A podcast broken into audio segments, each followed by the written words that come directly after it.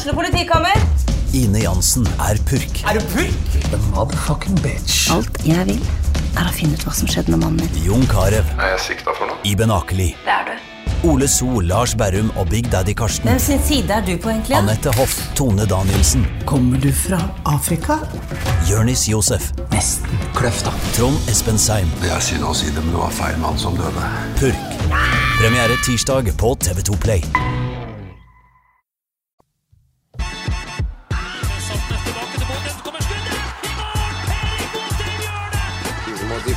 For Bodo Blo- boys.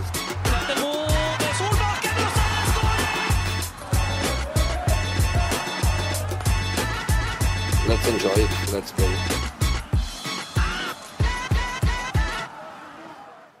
Steike hvor godt det er å ikke ha ferie lenger, Sheddy. Ja, det er en stor fordel. I hvert fall når Bodø-Glimt begynner å finne storformen akkurat når ferien vår er på hell. Ja, det har vært eh, underholdende på Aspmyra de, eh, de siste kampene. 25-0 tror jeg telte over på de siste fire hjemmekampene, eller der, i, der omkring. Ja, etter ferien så har jeg sett Glimt tre ganger på Aspmyra. Det ble 8-0 mot Linfield, det ble 5-0 mot Salgiris, og det ble 7-0 mot Odd. Et Odd-lag som i fjor prøvde akkurat samme taktikk mot uh, det som endte opp som seriemester i 2021, og da klarte Odd 1-1, og denne gangen ble det 0-7 i sekken, og rett hjem til Skien i skam, og det er deilig. Ja, det er deilig for Glimt-supporterne som virkelig får, uh, får betalt for å holdt ut med litt, uh, litt kladdeføre i første halvdel av sesongen, får vi si. Um, vi skal gjøre det ganske enkelt. Jeg har med meg Freddy Thoresen, som dere hører, i studio. Mitt navn er Markus Rask Jensen, og vi har fryktelig mye vi har lyst til å ta opp siden forrige podkast. Vi uh, skal rett og slett uh, få fasit på en del ting om Bodø-Glimt fra Freddy Thoresen. Ja, vi kan, vi kan vurdere om det er fasit. Det i hvert fall eh, Du har en del spørsmål du har lyst til å stille meg, så får vi se. Det blir i hvert fall min fasit, og så kan andre diskutere om hvor håpløst eh, mine forklaringer høres ut. Det blir jo spennende. Men først, før vi går på, eh, på grillinga her. Eh, har du hatt en fin ferie i Ja. USA? Ja, fantastisk. Vært i USA i fire uker. og det var jo mange Glimt-kamper å følge sånn cirka rundt klokka tolv eh, etter at morgenkaffen og vi har slikka litt sol og roen begynner å senke seg ikke sant, etter litt heftige morgentimer. Så er det Bodø-Glimt-kamp, og de var det mange av. Og de har, vi har sett det alle. Anbefales det å være Glimt-supporter i USA, med tanke på tidsforskjell og Jeg kan si såpass at familien min eh, angra litt på at vi dro, hadde planlagt å dra på et svært kjøpesenter i nærheten av der Jakob Glesnes, eh, Philadelphia Union-stopperen, holder til. Altså et kjøpesenter som heter King of Prussia. Det var vel da Bodø-Glimt spilte borte mot Odd, eh, og eh, de har vel hatt eh, De har vel sett husfar i litt bedre humør enn etter at Rohit Saggi eh, presterte å dømme straffe nok en gang mot Bodø-Glimt. Så da holdt da, da var det mange skumle folk på King of Prussia, men jeg var den skumleste, det kan jeg garantere. Og det var ikke så lett å kommunisere med meg, jeg skal innrømme det. Vi får håpe at du eh, svarer bedre før det her den, eh, de kommende minuttene. Um, for å begynne med det som ligger fremst i pannebrasken, da. Som du sier, formen til Glimt har jo virkelig eh, Det er jo full formutløsning her. Hva har skjedd? Nei, hva har skjedd? Eh, Det, det Jeg syns Kjetil Knutsen forklarte det ganske bra i etterkant av, eh, av, av Odd-kampen. At eh, de har funnet tilbake til den kraftfulle utgaven av seg sjøl. De har funnet kraften i seg sjøl. Og det er klart eh, Sesonginnledninga ble spesiell, hvor de får tre uker til å lade opp til Celtic. Og så eh, går det bra i to kamper mot Celtic, og da eh, klarer de på en måte å håndtere det å spille én kamp i uka. Eh, de er litt på tannkjøttet. Det er en del spillere i tropp de ikke fikk bruk. Samtidig så er det mange nye i troppen som skal fases inn i Glimt sin måte å gjøre det på. Og de har jo da mista fire landslagsspillere på veien. Sånn at innledningsvis så går det bra å spille én kamp i uka, så begynner trøbbelet for Bodø-Glimt når de skal spille to kamper i uka. Og eh, da blir det i grunnen verre og verre og verre, og Kjetil oppsummerte det på at de, min, min, de ligna minst mulig på seg sjøl i den bortekampen mot Molde, som Molde vant til slutt ganske greit. Og da er det egentlig ingenting som kjennetegner det Glimt-laget de vi har blitt kjent med i løpet av 2019 og fremover til nå. Så det som er, er jo at de får litt tid på seg, og, og spillere begynner å komme i form. Eh, spillere begynner å finne relasjonene seg imellom. Og det er klart, når, når en unggutt som eh, Joel Mvuka i etterkant, eller i inngangen til leiren deres i Danmark, begynner å slippe seg litt mer løs. Kjetil flytter han da fra venstre ving til høyre ving fordi at han mener at Mbuka kan gå både utvendig og innvendig og, og de tingene her. Så begynner Joel å, å slippe seg løs. Da eh, ser vi jo hva som skjer. Han får mer og mer selvtillit. Han eh, plager motstanderen mer og mer, og han gjør savnet etter en av lagets beste spillere. Ola Solbakken tilnærmet eh, fraværende. Og Joel begynner Den, den kjemien nå mellom Joel Mbuka og Hugo Vetlesen og Alfons Samsted på høyresida, den begynner å bli ganske spektakulær. Det er ikke bare å parkere bussen, som Odd prøvde på, for det, det har disse tre på høyresida fått øvd på litt på trening og sett litt videobilder og blitt enige om hvordan vi skal gjøre det. Samtidig syns jeg i de siste kampene, spesielt kanskje, kanskje hjemmekampen mot Salgiri, så, så syns jeg Bris Wembangomo de tre-fire første gangene han får ballen, så gjør han akkurat det samme som Fredrik André Bjørkan gjorde på sitt aller beste sesongene i forveien. Han eh, skar innover i banen, stupte i rommet, og ergo så var overtallet skapt. Og når Bris tør å gjøre det.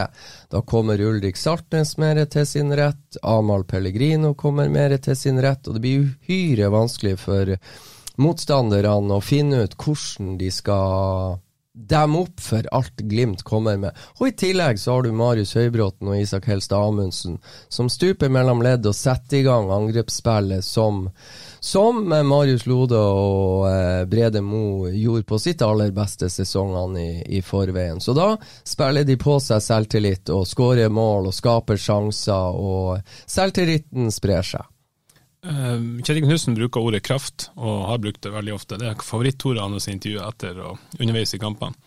Hva legger han i ordet kraft? Hva betyr kraft i denne sammenhengen? Nei, altså Det er kraftfullt det Brisveen Bangomo gjør. Når satsinga hans idet han får ballen og, og, går innvendig, altså forbi mannen som prøver å, å gå på han, det er så kraftfullt og eksplosiv, den bevegelsen. Så uansett hvor rask du er, så klarer du ikke å henge med, og overtale Glimt ønsket er skapt. Og så blir spørsmålet hvordan utnytter Glimt det å overtale Bri skapet? Det samme er det med Marius Høybråten og Isak Helstad Amundsen. Det er kraftfulle satsinger forbi ledd som gjør at de lettere finner indreløper og eller rett opp på Salvesen, som da er på topp. Så det det går på kraftfulle, hurtige Bestemthet, eh, bestemthet. ikke nøling. Du ser Joel Mvuka, han nøler ikke én gang. Det går rett frem. Enten det går rett frem, han uh, utfordrer mann, enten går han innvendig, enten går han utvendig.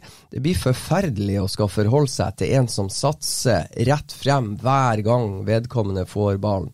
Det blir mange ting å passe på samtidig for motstanderne. Og når én til to spillere gjør dette, da er allerede rommene til Hugo Vetlesen skapt. Rommene som Ulrik Saltnes liker, er skapt. Det blir lettere.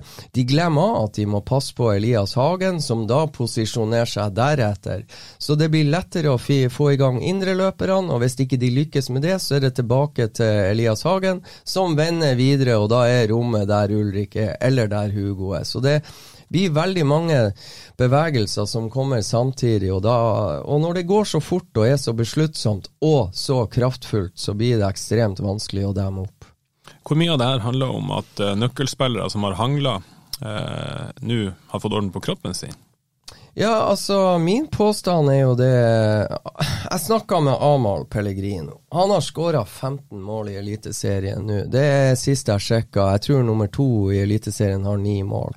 Amahl spiller sikkert fortsatt. Nå mot Odd, de to skåringene som er kunstverk av skåringer, så er sikkert Amahl på 70-80% av det han har. Han forklarte meg at Maksfarta hans er 34 km i timen. Han har i de kampene inn mot uh, nå uh, vært i stand til å sprenge uh, 27 km i timen. Han har steike mye eksplosivitet å gå på, og det går på uh, plagsomme akilleser. Som, som han sliter med, men de har behandla de, det hjelper. Men eh, han trenger enda mer hvile til å få fyr på alle sylindrene. Så det fine er, selv med de resultatene Glimt har, kan vise til nå, så har Amahl Pellegrino mer å gå på. Vi ser også Lars Jørgen Salvesen som har to fantastiske kamper. Tenk når han får ei uke eller to eller tre på seg med de her nye lagkameratene og få uh, kjemien til å stemme. Så uh, min påstand er at Glimt har enda mer å gå på. Ser du noen mørke skyer på horisonten? Hva, det, hva må Glimt jobbe med? Hvor er forbedringspotensialet? Ja, altså, altså, det er fantastiske resultater, men um, for min del, jeg, jeg, tror jeg skal litt lenger i hukommelsen for å ha sett et lag som enten framsto svakere eller var svakere enn det Odd var. De hadde tapt når de gikk ut på den banen. Ja, men jeg syns det, jeg syns det er ei steike lett bortforklaring. Odd vant for under en måned siden. Jeg var i USA, jeg var dritsur på King of Prussia. Odd vant 3-2 i, i Skien. Punkt én, eh, Rohit Saggi dømte ikke på Aspmyra. Det er en stor fordel hver gang Bodø-Glimt er på ja, banen. Det blir, det blir for dumt, Fredrik. Ja, det jeg vet det, men jeg klarer ikke å la være. Men eh, Odd hadde stort sett De, de har mista Kitolano og, og Lauritzen siden sist. Glimt møter Odd uten Sondre Brunstad Fet, uten Ola Solberg Solbakken uten Brede Mo. Så jeg tror det var en kraftfull utgave av Bodø-Glimt eh, som gjorde Odd steike dårlig. Eh, Odd lyktes som sagt eh, og spilte 1-1 på Aspmyra i fjor. Det kan være at Glimt faktisk har lært seg hvordan de skal angripe lag som kun kommer for å ødelegge. Samtidig så vil jeg også si Salgiris slår Malmö FF 1-0 hjemme. Salgiris slår Malmö FF 2-0 borte. Ja, Så jævla dårlig er ikke Sjalgiris. Eh, de tapte 5-0 i Bodø. De møtte et godt lag. Eh, hva tror du Glimt må jobbe med for å på en måte opprettholde det her mot de lagene som legger seg i denne blokka? Vi har jo sett de plagdes halve sesongen eh, mot lag som tetter ja, igjen. Det, for å ta mørke skyer i Bodø-Glimt, så er det veldig lett å peke på de. Hva hvis eh, Alfons Samsted og Brisveen Bangomo begge må ut med skade i Sjalgiris. Det betyr antageligvis at de Forhåpentligvis at de kommer seg gjennom den kampen. Men hva i neste kamp? Hvem skal spille høyre og venstre back? Glimt har vel egentlig ingen venstrebacker, De har egentlig ingen rene De har egentlig ikke dobbel dekning i det hele tatt. De har en ung tsjekker på 18 år mm. som er et prospect à la Fredrik Sjøvold, som nettopp uh, har fått lov å begynne å, å uh, og vise seg litt frem i en indreløperrolle. Men Lukas Kuber er henta til Bodø for å være en kongespiller om to år, kanskje tre år. Han er et prospect de håper, eh, et prospect de håper å bygge opp internt her. Han skal ikke levere varene i 2022, det er ikke planen med han. Lars Jørgen Salvesen er henta for å gå rett inn, uh, det er ikke Lukas Kuber. Så det er klart, de er utsatt uh, for skader. Hva hvis Amahl blir skada? Hva hvis Joel Mvuka blir skada? Da har de trøbbel. Mm. Hvor intensivt jobber Bodø-Glimt eh, i kulissene for å forsterke laget akkurat nå? Vi har jo henta tre spillere så langt. Lars Jørgen Salvesen, Nino Sugell og, eh, og Tsjekken Kuber. Men hvor, hvor, hvor, mye mer trenger de, etter eget? Ja, jeg tror uh jeg forventer at Bodø-Glimt uh, ser etter en erstatter til Alfons Samsted, det har jeg sagt før. Uh, og da kan de like gjerne hente han nå. Uh, og så er, så er det litt sånn Vi glemte Julian Faye Lund, selvfølgelig. Som Ja, Julian Faye Lund har de også henta. Nei, jeg er sikker på at de ser etter høyreback, venstreback, og så kan løsninga bli at en av de brikkene faller på plass i dette overgangsvinduet. For i Brisveen Wembangomo har du en potensiell høyreback hvis det skulle vise seg at uh, de får tak i en venstreback. De prøvde garantert på Isak Mete fra Ålesund, som uh, til slutt havna i Gråningen. Uh, så der er en konkret jeg vet de jobber med, som de ikke lyktes med. Eh, og da må de, når han velger Gråningen, så må de tenke nytt. Så vet ikke jeg hvem det er da de har i sikte, men garantert har de noen. Og så eh, fikk de jo en advarsel i Ålesund eh, da Glimt vant 2-1, hvor Ulrik Saltnes ble sendt hjem eh, med skinne. Før MR-bildene var de ganske på en måte pressa, for da kom det en viktig hjemmekamp onsdag mot Salgiris, og da, det er jo da de eh, legger seg inn i budkrig med Molde mot, eh, for å sikre seg Christian Eriksen. Og jeg tror de meldte seg av litt tidligere enn media ønsker å skissere. Jeg tror ikke de var med opp til 15 millioner for å sikre seg Christian Eriksen. Men at interessen til å skaffe seg en indreløper var til stede, skal ingen være i tvil om. og den jeg Den eh, diskusjonen tror jeg fortsatt eh, pågår. eh, for eh, de har en Anders Ågnes Konradsen i bakhånd som sliter litt fortsatt med leggproblematikk. Eh, det bli skade på Hugo Vetlesen og Ulrik Saltnes, jaha, da er det en Anders Konradsen med leggproblematikk og en ung Fredrik Sjøvold som står først i køen. Så da, da har de trøbbel også der. Så jeg tror de ønsker å ha, eh, i og med at Sondre Brunstad Fet sin sesong allerede er over, som er en av lagets aller beste og viktigste spillere, så tror jeg de vil ha dekning der. Så eh, spissen har de jo fått, og da er de godt besatt med Salvesen og Espejord og en Lasse Nordås i bakhånd. Eh, så er det jo da på kantene om Sugelli er jo på plass, og da har de Sørli og Sugelli og Mvuka. Kanskje kommer Ola Solbakken etter hvert. Komson.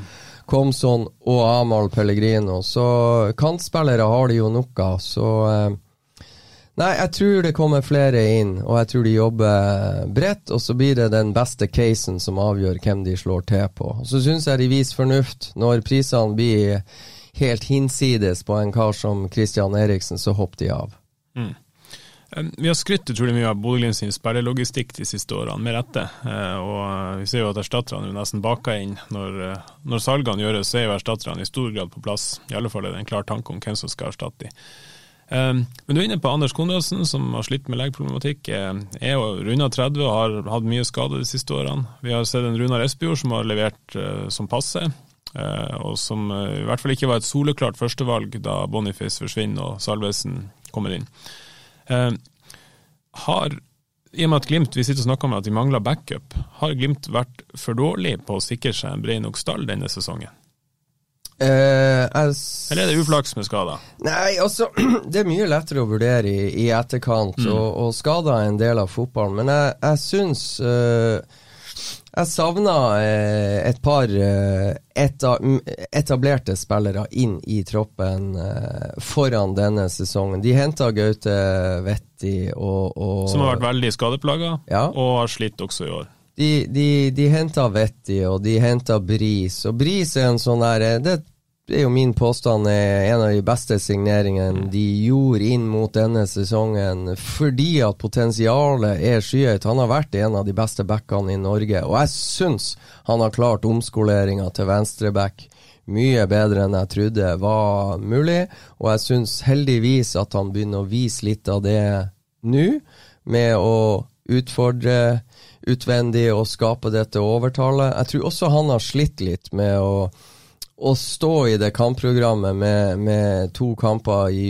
uka og knapt får lov å trene og, og har en eh, jeg skal ikke si skjør muskulatur, men den belastninga hans kropp har vært utsatt for, er noe annet enn han har vært vant med tidligere i karrieren sin. Så eh, jeg syns eh, Jeg skulle ønska, for å gå tilbake til Amahl Pellegrino, som ble signert sånn cirka på denne tida i fjor. Det er en etablert spiller som de vet går rett inn. Jeg skulle ha ønska mer eh, litt én til to sånne også foran den her. Ser, ser du de her? eh, Altså, I Norge? Ja. Eller, ja, altså, eller du, du, du kan si eh, De tenkte vel at Runar Espejord skulle være ei sånn signering, men så, så trenger også Det er klart de, de visste jo om fysikk, de fysiske eh, utfordringene, da, og, og det som måtte gjøres eh, det, det er ingen tvil om at Kjetil Knutsen ble litt overraska i eh, Spania når de møter til treningsleir. Eh, den fysiske forfatninga som Victor Boniface møter opp med i Spania, men også Runar Espejord. Det er klart Kjetil Knutsen hadde noen eh, realitetsavklaringsmøter med Runar Espejord lenge før Runar Espejord takka ja til Bodø-Glimt.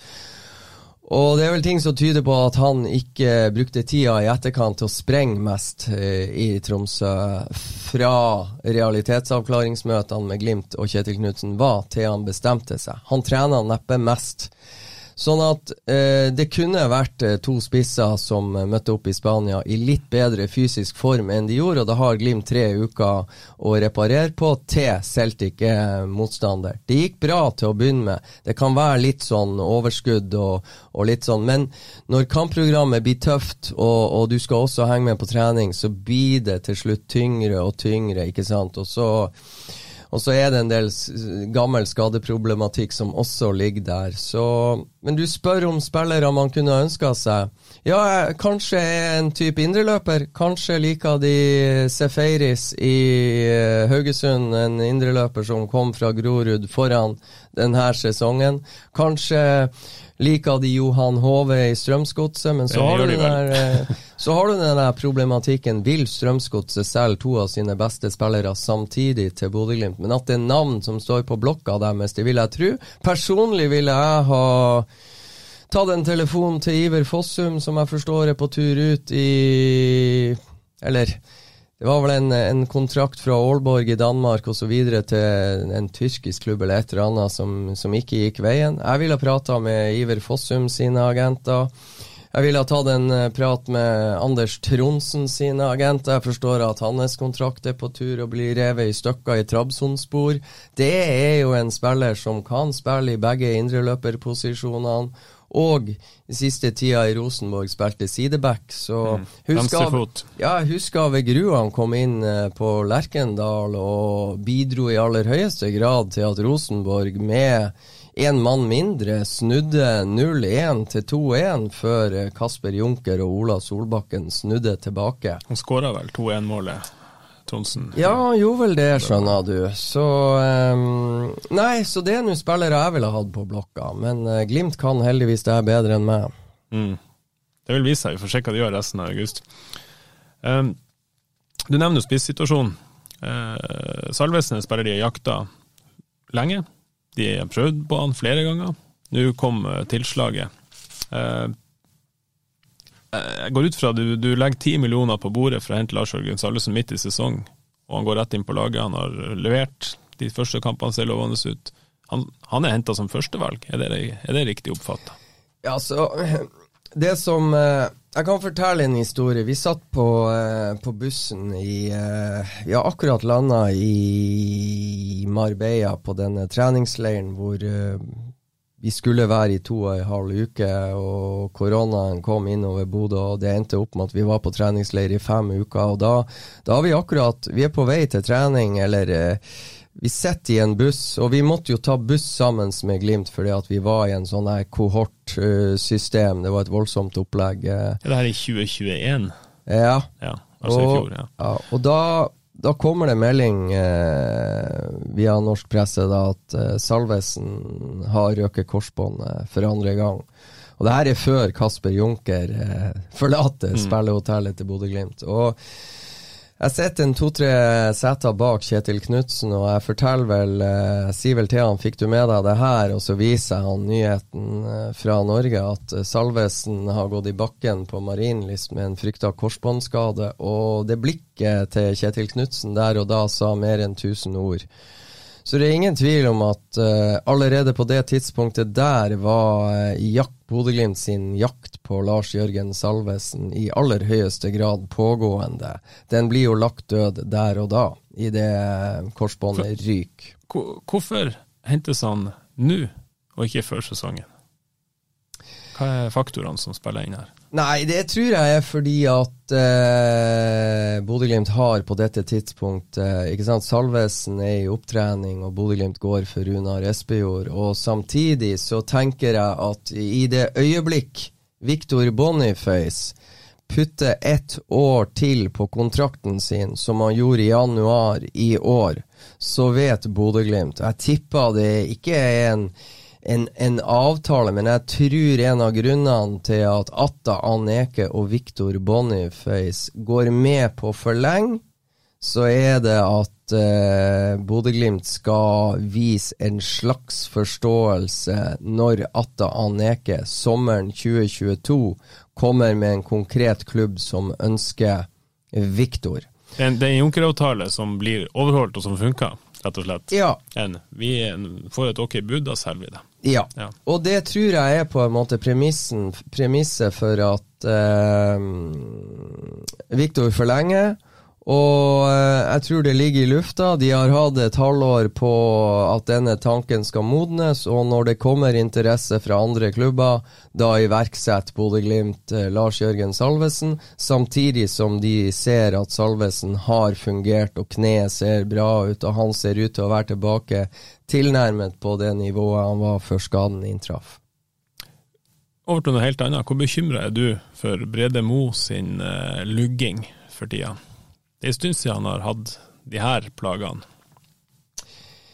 Ja, eh, det bekymrer meg. Og så Nå skal jeg Nå er Brede Mo en av de som er på, på ringelista mi denne uka her, og eh, jeg tror eh, det blir lettere å svare nå, men jeg, nei, altså etter jeg har prata med han. Men jeg er bekymra. Men jeg tror han har trent såpass bra og, og, har såpass kontroll på de her tingene at eh, jeg tror at den her eh, disse betennelsene som har sittet her og der er på tur ut, det handler om å få eh, koll på en, en, en, en, liten strekk, og så er forhåpentligvis han å melde seg på.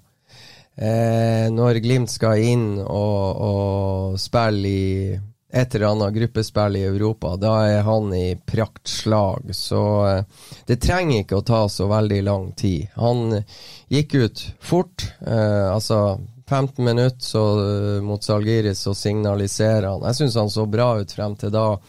Så jeg, jeg, håper at han gikk av i tide, og at de iverksetter, og at han i en to-tre ukers tid er tilbake i i Prakslag. Men så syns jeg jo da eh, Isak Helstad Amundsen fra Brønnøysund gjør jo det som jeg har savna litt at andre skal gjøre.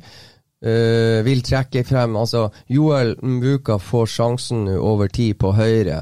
Og han viser trenerne, og han viser publikum, og han viser media jeg vil ha den plassen. Det blir bedre og bedre og bedre, han vokser inn i det. Isak Helstad Amundsen har fått samme sjanse. Han gjør jo det Jaffet Seri Larsen ikke har gitt beskjed om. Jeg har lyst til å spille hver gang. Han gir den samme beskjeden som Gaute Vetti ikke har gitt trenerne. Jeg vil spille hver gang. Den beskjeden, altså Isak Helstad Amundsen gir krystallklar beskjed om at jeg vil spille. Med, punkt én, han gjør ikke store feil. Punkt to, han gjør det trenerne ønsker, stup mellom ledd, trer opp til spiss, trer igjennom til indreløpere. Han rydder opp, han spiller godt, og han spiller bedre og bedre. Og han gjenskaper det i neste kamp. Så for meg Jeg syns det er kanskje det største Når han kom inn mot Sarpsborg eh, Siri Larsen gikk vel ut med skade. Ja.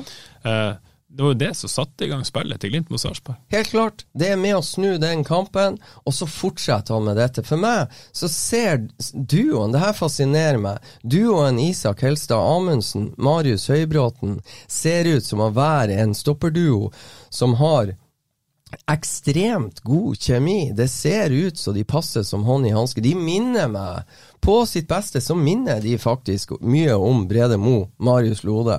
Og jeg jeg sitter og leker med det her at Antageligvis så er Isak Helstad Amundsen og Marius Høybråten De gjør hverandre bedre eh, som stoppere enn det de egentlig er. Fordi at kjemien er sånn. Det er et eller annet som bare klikker med de to. Mm. Og det, har, det har ikke sett, det har ikke fløtet helt med, med Mo Høybråten i år på samme vis som eh, Det, det er helt riktig det du peker på. Det, det er et eller annet som, som, som, utløses når de Om det er at hele laget har kommet i bedre form eller et eller annet. Men det er i hvert fall Nå syns jeg Glimt på stoppeplass gjør det jeg har savna i hele år.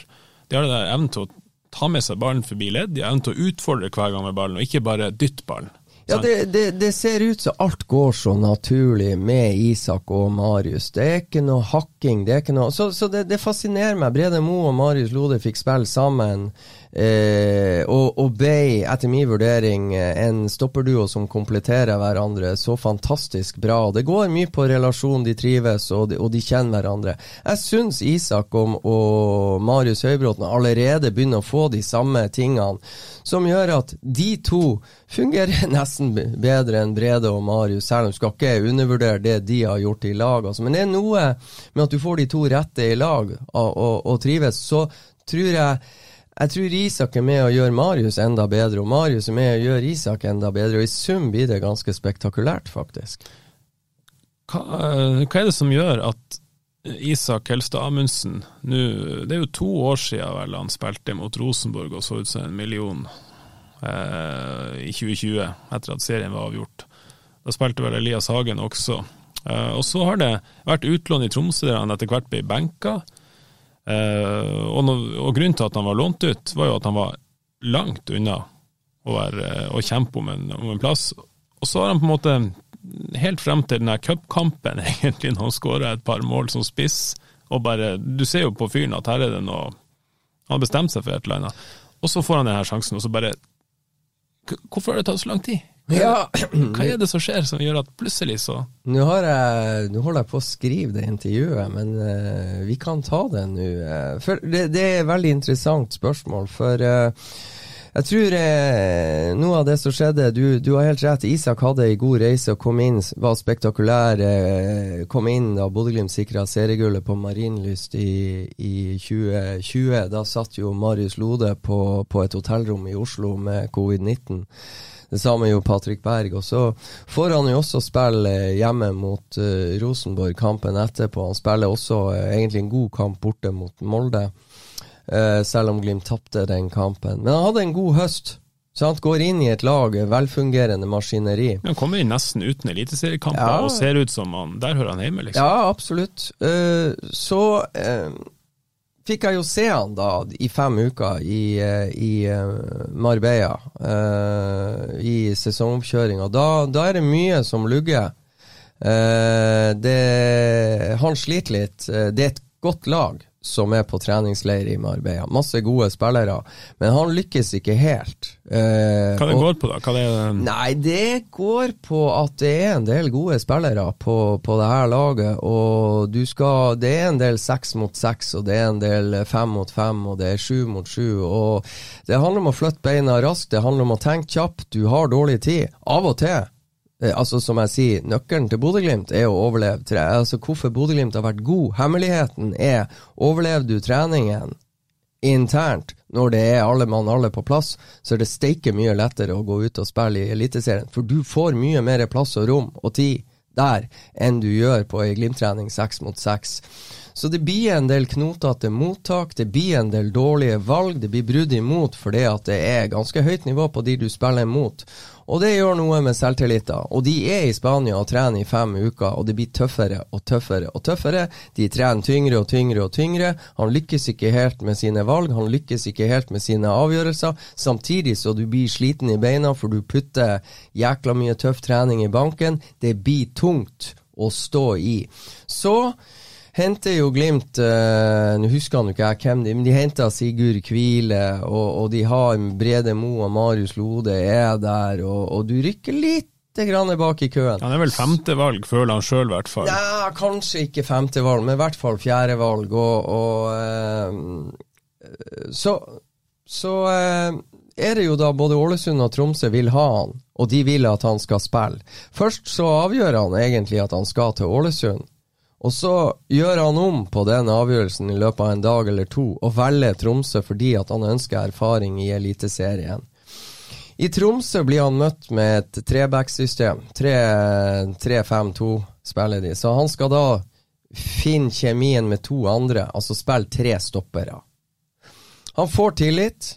Eh, han starter ganske mange. Han ender opp med 25 kamper, jeg tror 19 er fra start.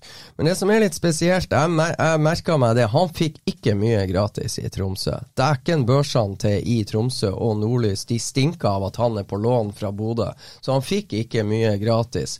Så hvis han hadde en sånn OK kamp, så fikk han ikke mer selvtillit av å lese vurderingen i børsen, for de var nådeløse. Antageligvis så leste han de. Og gradvis får mindre og mindre selvtillit ut av det. Og spiller i et litt Han har sin fulle hyre med å lære seg trebacksystemet til, til TIL. For et lag som ikke akkurat eh, flyr himmelhøyt, sant? Altså Nei, det blir mer trøkk på TIL enn det Det oppleves annerledes å være stopper i TIL enn det er å være stopper i Bodø-Glimt. Og det er andre ting som vektlegges. Det er dueller i boks som skal vinnes, og ikke akkurat eh, igangsetting bakfra. Og så er det også litt andre vinkler å tære på. Men patetisk nok så ryker han ut av laget på høstparten. Inn med Kasper Øyvand, som fra, er fra Bodø, og som TIL har mm. kjøpt fra Tuil. Som Glimt da tidligere har vurdert som eh, ikke god nok for å satse 100 på. Yes. Mm. Uh, han kommer inn og tar faktisk plassen til Isak, og det er i den perioden at TIL tar poengene som skal til for at TIL uh, berger plassen. Så det er avslutninga på oppholdet i Tromsø for Isak. Mm. Så blir han sendt til Bodø med det. Jeg snakka litt med Isak om det. Han mener sjøl at han er blitt herda av det han opplevde i Tromsø, på en positiv måte. Og det her forteller meg jo at det er en ganske oppegående 22-åring. Han, han, blir herda av opplevelser. Han merka òg at eh, omgivelsene var litt imot. Og han merka òg at, at han plagdes litt eh, mer i trebacksystem enn i en uh, firer bak med to stoppere. Det å spille i en stopperduo. Mm, for, det passer for, hans ferdigheter litt bedre. For jeg stoppe deg litt der. Når han kommer tilbake, og vi snakker januar-februar, uh, så er i hvert fall inntrykket at han er Uh, ikke femtevalg, kanskje fjerdevalg. Ja, her er han femtevalg. Her, her, her, her har du helt rett. Mm. Jaffet Seri Larsen og Sigurd Kvile er foran Isak Helstad Amundsen i køen. Isak må også forlate første treningsleir i Spania mm. med eh, noe trøbbel i hofteleddsbøyer som plager han. Så han blir faktisk eh, sendt hjem tilbake til Bodø for å trene opp. Eh. Og På det tidspunktet så tenker ikke Kjetil Knutsen at Isak Amundsen skal starte eh, europakvalik? Det gjør han garantert ikke. Og, men det Isak har gjort han har tatt veldig godt vare på de treningene, som har vært veldig spesielle i år. For det er veldig mange treninger hvor Glimt faktisk har vært bare 10-12-13 utespillere tilgjengelig på trening fordi at skadeproblemene har vært så store, og spillere som Brede Mo må spares, Brisveen Bangomo må spares, Ola Solbakken må spares, osv. Ikke minst både Viktor og Runar må spares. Sondre Brunstad Fet er ikke der. Morten Konradsen er skada. Anders Konradsen er skada. Og her har vi tilbake til litt av kjernen. Hvorfor har Glimt brukt tid på å takle det å stå i to kamper i uka. Det er den her skadeproblematikken hvor de da har vært såpass få at det har vært vanskelig å gjenskape der magien skapes. Det som har gjort at Glimt har vært så god over så lang tid nå. Det Nøkkelen og, og, og, hemmeligheten, kan du si, det er det trøkket og det punchet som er på trening. Men inni det systemet her, med de få som har vært, så har Isak stått i det. Han har vært god, han har vært positiv, og han har brukt hver trening til sitt eget beste. Så han har tatt steg, han har jobba med de tingene han mener han må jobbe med. Og så kommer clouet. Hva er det han har gjort? Jeg snakka med Morten Kalvenes i går. Én ting er å forberede etter du har fått sjansen. Da er det for seint. Hvis treneren gir, gir, deg beskjed på kampdag i dag hei, i dag skal du starte, da må du være forberedt på at den beskjeden kan komme. Når den kommer, og du ikke er forberedt, da er det på mange måter for seint. Og hans påstand er Isak var meget godt forberedt da sjansen bøy seg, og det gjør han setter han i bedre posisjon til å gripe den. Det er litt sånn Solskjær. Sant? Du, du, er alltid på Du kan kanskje starte over benken, men du er på tærne og du følger med på matchen og du vet hvor, hva du skal gjøre. og du liksom du er med i kampen hele tida, selv om du Og jeg spurte Isak, var det et problem for deg at Brede Mo Ble du pissed når du får vite, etter flere gode kamper fra deg, at Brede Mo skal inn og starte mot Salgiris, en kamp du sikkert har jækla lyst til å spille? Nei, det var ingen problem. Jeg skjønner selvfølgelig at treneren vil bruke Brede Mo hvis Brede Mo gjør seg, jeg mener at han er klar. Men jeg var forberedt hele tida på at det kunne skje noe. Derfor er han mentalt i stand til å gå inn og levere det han gjør, når han kommer inn etter 19 minutter. Hvor stor er sjansen for at han klorer seg fast i elveren permanent nå? For vet jo at Brede Mo spiller jo sannsynligvis, hvis han er, han er en av Knutsens mest betrodde menn, og med god grunn historisk. Høybråten har vært veldig mye brukt, blitt veldig betrodd og har nytt stor tillit hos Knutsen. Er det nok, eh, for å spørre på den måten, det Amundsen gjør nå, til at han kan være med i den diskusjonen om at jeg starta når alle er friske òg? Ja, du kan si det er nok, det, men det som er så fint når uh, Isak Amundsen og Marius Høybråten spiller på det nivået de gjør nå, så trenger i hvert fall ikke Glimts medisinske apparat å ta noen shortcuts, shortcuts i veien på å få Brede Mo opp og gå, så god som han har vært uh, i to høster på rad med Bodø-Glimt. For da har Brede Mo tålt å stå i et steiketøft kampprogram. Nå kan så bra som Isak og Marius spiller sammen, så frigjør det tid for Bodø-Glimt til å få både Brede Mo skikkelig frisk, og det samme med Jaffet Seri Larsen. Og det samme med Sigurd Kvile. Det gir dem tid. De trenger ikke å stresse. Eh, du nevnte treningshverdagen, og at det kanskje ikke har vært helt optimalt pga. Eh, antall på trening og eh, ja, problemet med å gjenskape den kraften og intensiteten som gjør at det blir så god treningshverdag som Glimt har hatt de siste årene. Eh, men det har jo òg vært retta kritikk mot Glimt, eh, mot treningskulturen til Bodø-Glimt. Det har jo vært antyda på, ja, på, andre flater enn her, da, eh, at det er noe galt med treningskulturen, og at det også har vært ja, tilfeller der folk kanskje ikke har tatt nok vare på kroppen sin, eller vært seriøse nok, hatt gode nok holdninger. Og det har også til og med vært antyda at folk har vært litt for glad i å dra ut på byen. Hvordan er de vurdering av, av de påstandene. Nå er det selvfølgelig lett å sitte her i ettertid, nå har de vunnet. Etter det så har de vel ikke sluppet inn mål og skåra 30 mål. Men har du på noe tidspunkt hatt et inntrykk av at det er noe å gå på på det holdningsmessige, enten det er alkohol, eller det er trening, eller det er hvordan du ivaretar kroppen din, eller andre ting? Ja, Ordet alkohol, hvor det egentlig stammer ifra, det, det, det vet jeg ikke. Men, men det, jeg, det, jeg, kan si Altså, holdning Kanskje har en del av de nye som kom inn i år, må bruke litt tid på å bli vant to the Glimt way. De må bruke tid på, på, å innordne seg. Den tida må de få. Det er helt naturlig. Det er å komme inn, inn, inn i en helt ny rytme. Men jeg kan ta et eksempel på seriøsiteten til f.eks. Hugo Vetlesen. Vi er på eh, Marbella i år, før Celtic. Glimt skal spille tre treningskamper mot Dynamo Kiev, Elfsborg og AGF Århus. Stian Høgland er en steike snill fyr. Vi er og kjøper eh, mat som vi skal ha i leiligheta vi jobber på eller jobber i. Han ser en kjekspakke i den butikken vi står som han vet at Hugo Vetlesen liker. Og de kommer seg jo egentlig ingen vei. Han sender en melding. 'Hugo, har, vil du at jeg skal kjøpe kjeks til deg?' Og Hugo svarer ja, gjerne det. Og vi er jo journalister, så vi tenker hvor mange pakker skal du ha? Kommer neste spørsmål. Én pakke. Det her er en lørdag eller en søndag. Han vil ha én kjekspakke. Og så kommer clouet som gjør at jeg tenker ordet seriøs. Men ikke gi meg den før etter kamp torsdag. Mm.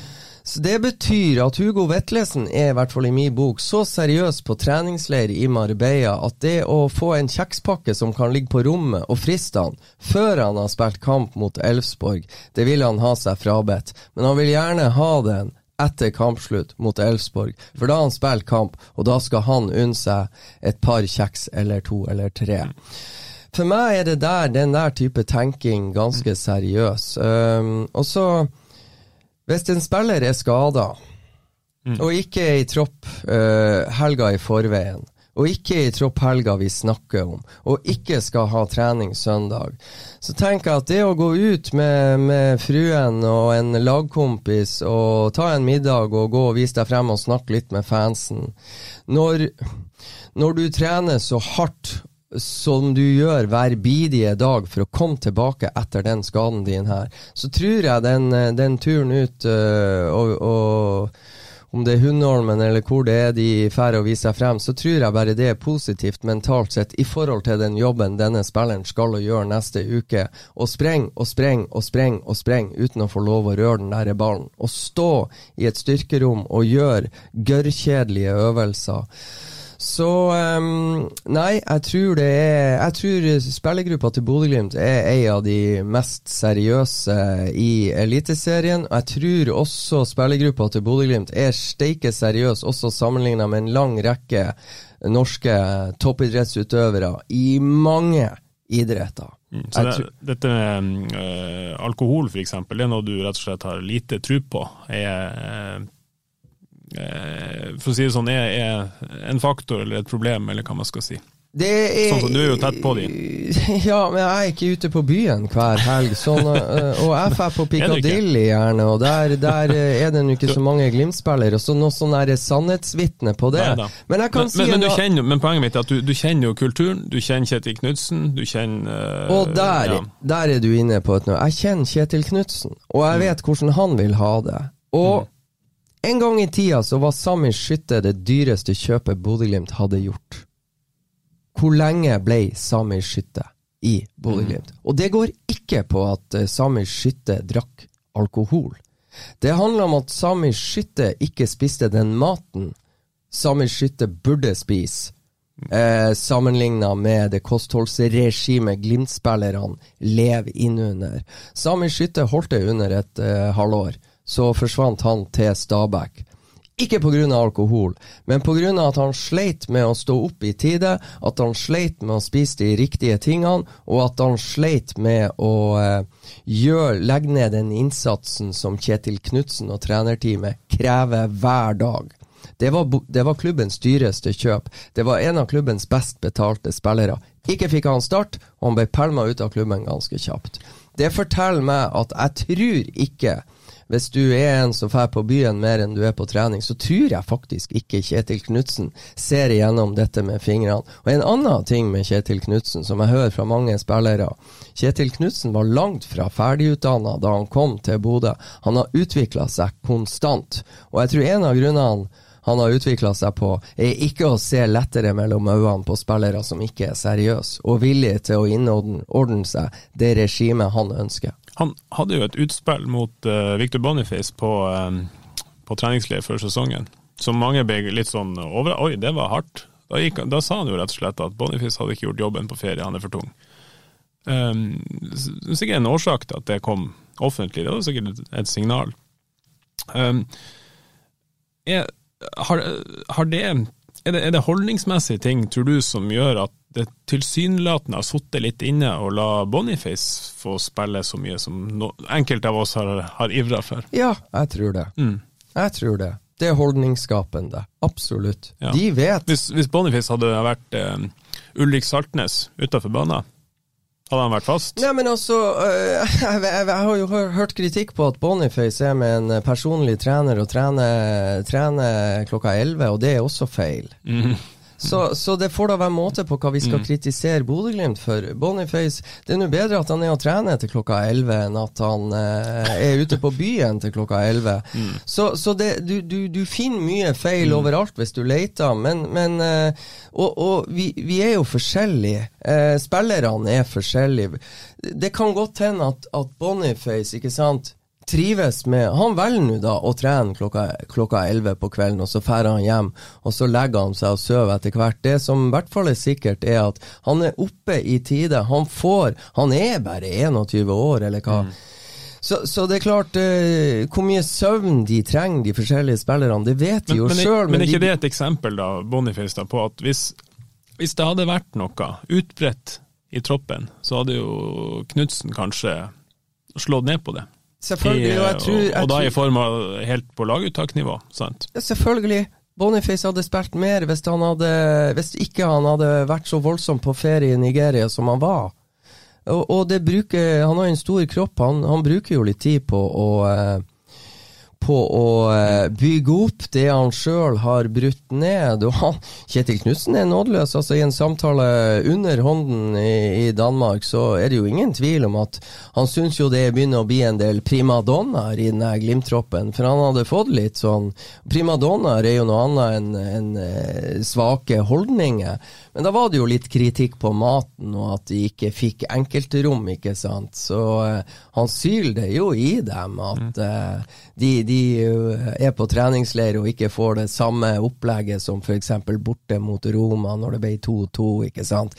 Hvert sine rom og enkeltrom og den slags. Så nei, jeg tror Du er ikke bekymra for, å slå- for å slå fast det? Nei, jeg, jeg er ikke det, og jeg tror eh, Jeg tror ikke problemet er utbredt. Altså, at en 20-åring som ikke er i nærheten av å være i tropp verken før eller senere, er ute og feirer en 20-årsdag, det syns jeg faktisk han må få lov til. Eh, og, og skada spillere, som sagt. eh, så er det snakk om et, et eller annet eh, tilstelning 16. mai i Glimt-regi som eh, etter 1-1 mot TIL, hvor de gjør et eller annet i fellesskap, og jeg vet ikke, kanskje er det noen som drikker litt for mye, eller eh, Det vet jeg ingenting om, for jeg var ikke der. Men det jeg vet, er at i etterkant så tok spillergruppa sjøl affære dagen etterpå.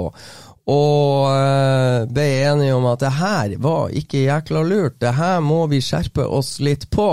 Det er feil lukt og det er feil farge, og det her vil vi faktisk ikke ha noe av. Det er dagen etterpå, så hvem som initierte det, det vet jeg ikke, men at det ble en intern oppvask uh, for det som skjedde akkurat da, det ble det.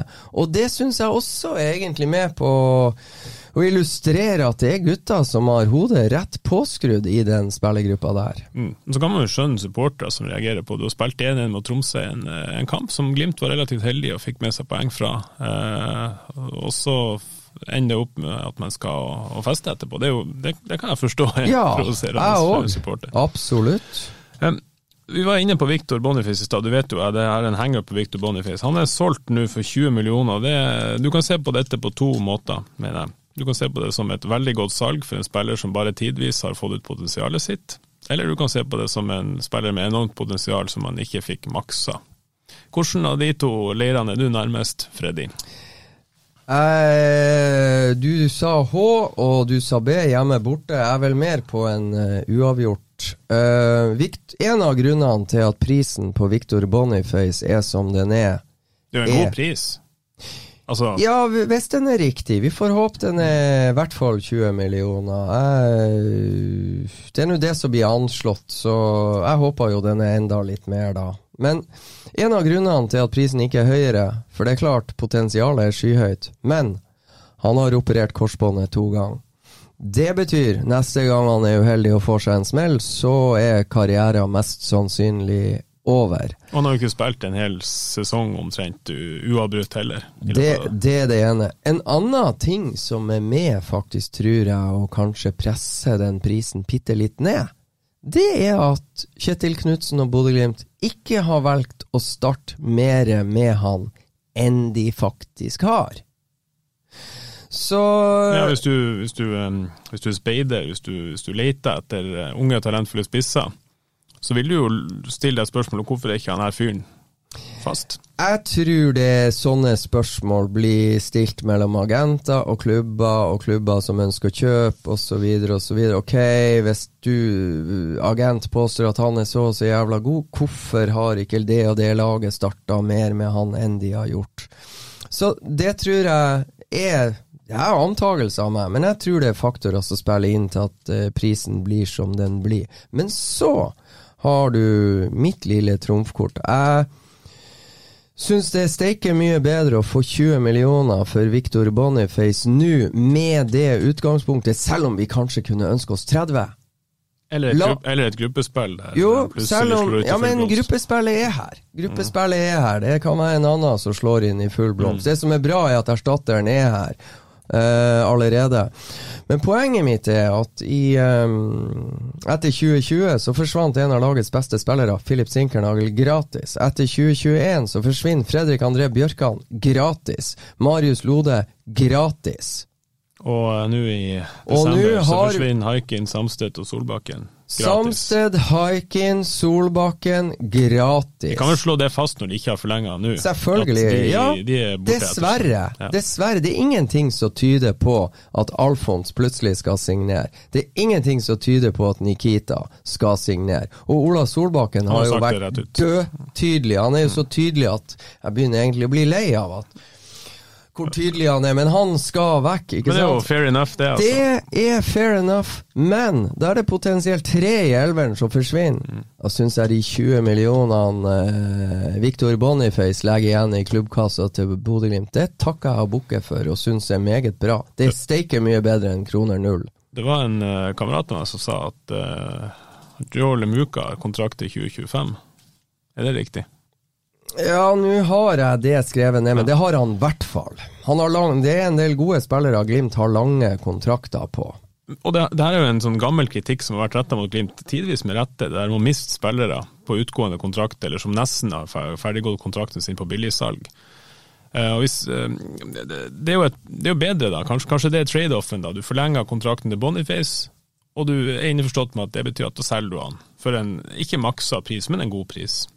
Er, er det det som er Glimt sin tankegang her? Jo, og så og så er Nå er vi jo inne på det som er min påstand. Det er det vanskeligste av alt i fotball. Det er de her synergiene og, og eh, Det er klart, Glimt Altså, Håvard Sakariassen er jo ikke dum. Han har jo prøvd i to år på å forlenge med Philip Sinkernagel før Eh, og tida går, og, og Philip spiller, og Håvard prøver, og Håvard prøver, og Philip spiller, og det blir nei, nei, nei. Samme runde har vært med Nikita Haikin hele år, halve fjor, sammen med Alfons Samsted. Samtalene har pågått i over ett år.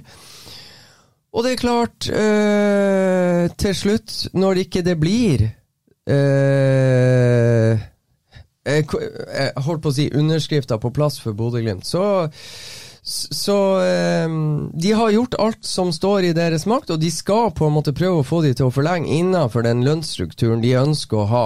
Og de kan bruke et slags sign-on fee, som de lyktes med med å få Ulrik Saltnes til å forlenge, som de lyktes med å få Brede Mo til å forlenge, som de kanskje lyktes med for å få Boniface til å forlenge. Så av og til lykkes man, av og til lykkes man ikke. Av og til lykkes man med å ha erstatteren på plass, av og til ikke.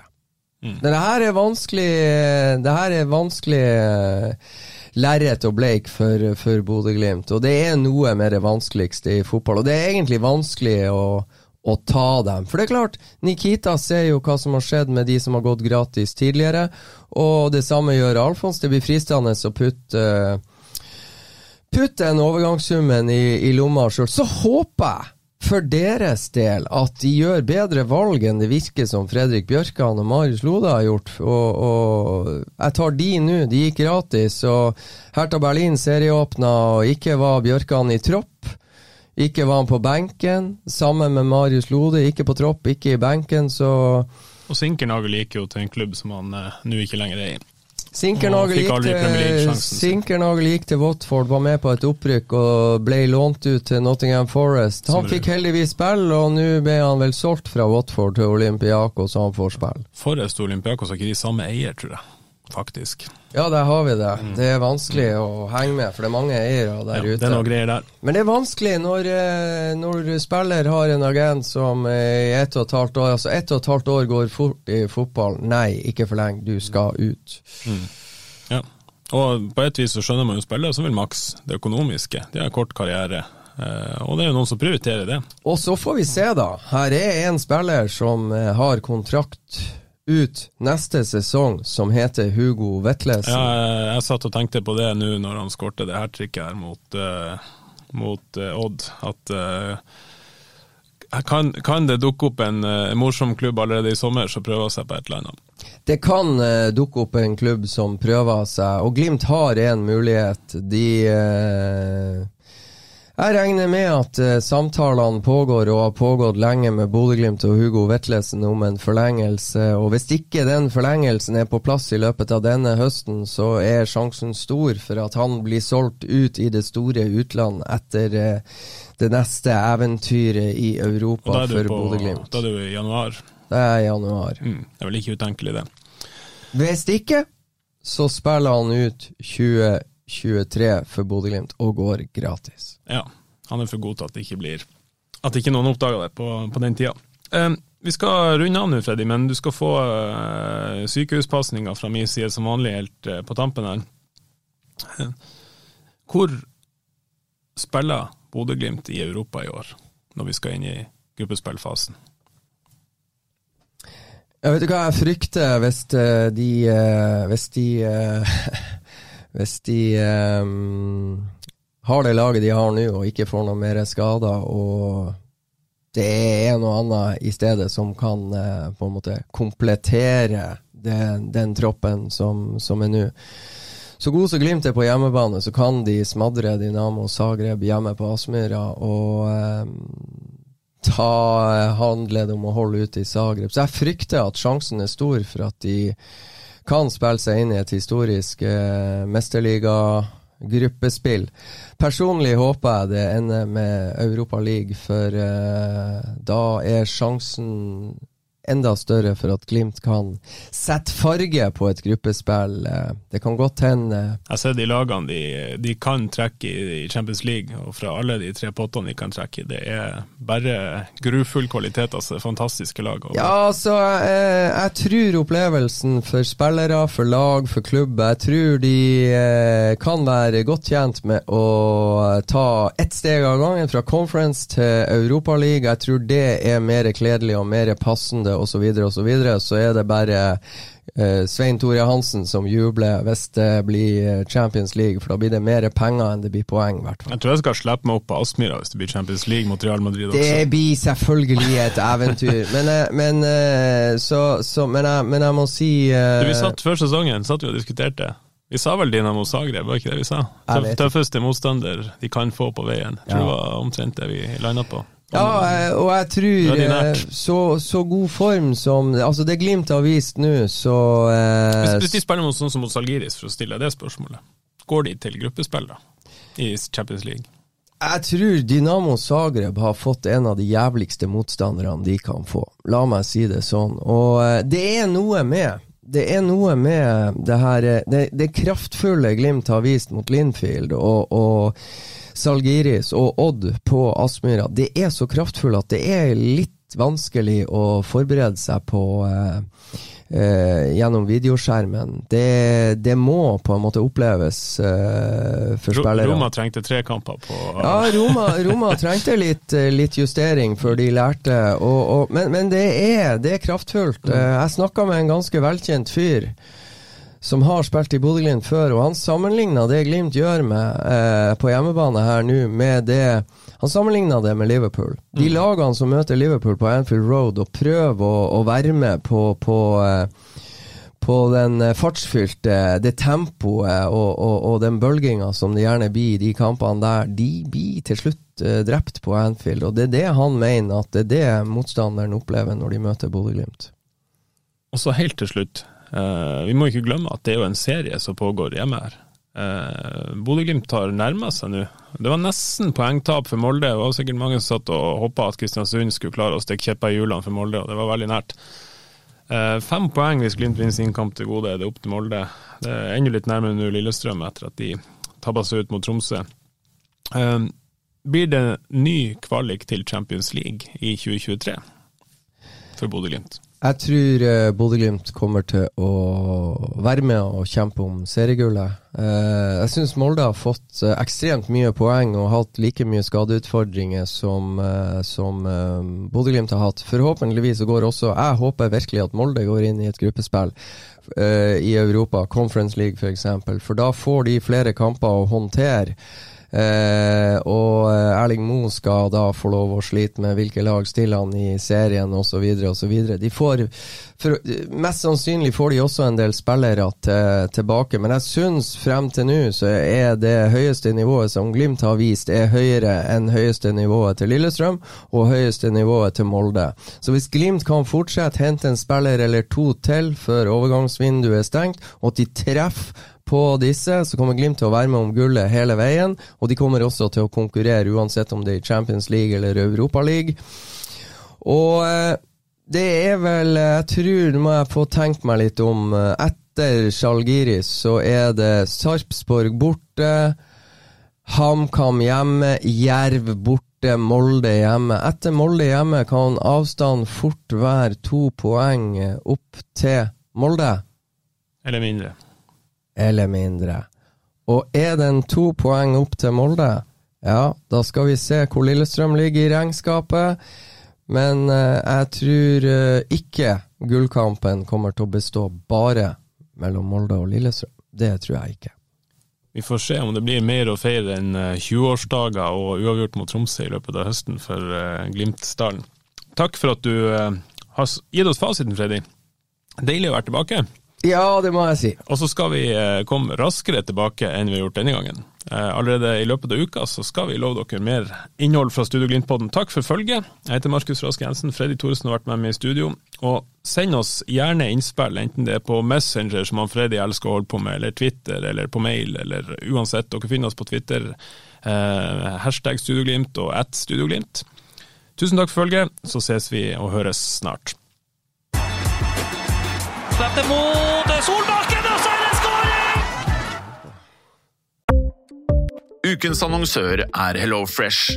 HelloFresh er verdens ledende matkasseleverandør og kan være redningen i en travel hverdag. Mange av oss har nok vandret i butikken både sultne og uten en plan for middagen, som ender med at vi går for de samme kjedelige rettene gang på gang.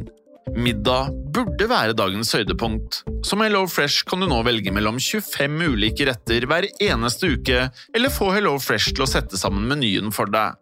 Dette gir deg muligheten til å prøve nye og spennende retter alene eller sammen med familien. Du velger antall porsjoner og får alt levert på døren på et tidspunkt som passer for deg. Oppskriftene er enkle, og maten er lett å lage både for store og for små. Ved å få alt levert hjem får du også mer tid til å dele matgleden med familie og venner. Kanskje det frister med asiatiske tacos eller greskinspirert kylling? Da kan jeg anbefale deg om å gå inn på hellofresh.no. Her kan du bruke koden FOTBALL og få opptil 1779 kroner i rabatt på de første fem matkastene hvis du ikke har prøvd Hello Fresh tidligere. Du kan også bruke rabatten hvis du har vært kunde og stoppet abonnementet ditt for tolv måneder siden eller lengre. Gå inn på hellofresh.no og bruk koden FOTBALL. Har du et enkeltpersonforetak eller en liten bedrift? Da er du sikkert lei av å høre meg snakke om hvor enkelt det er med kvitteringer og bilag i fiken, så vi eh, gir oss her, vi. Fordi vi liker enkelt. Fiken superenkelt regnskap.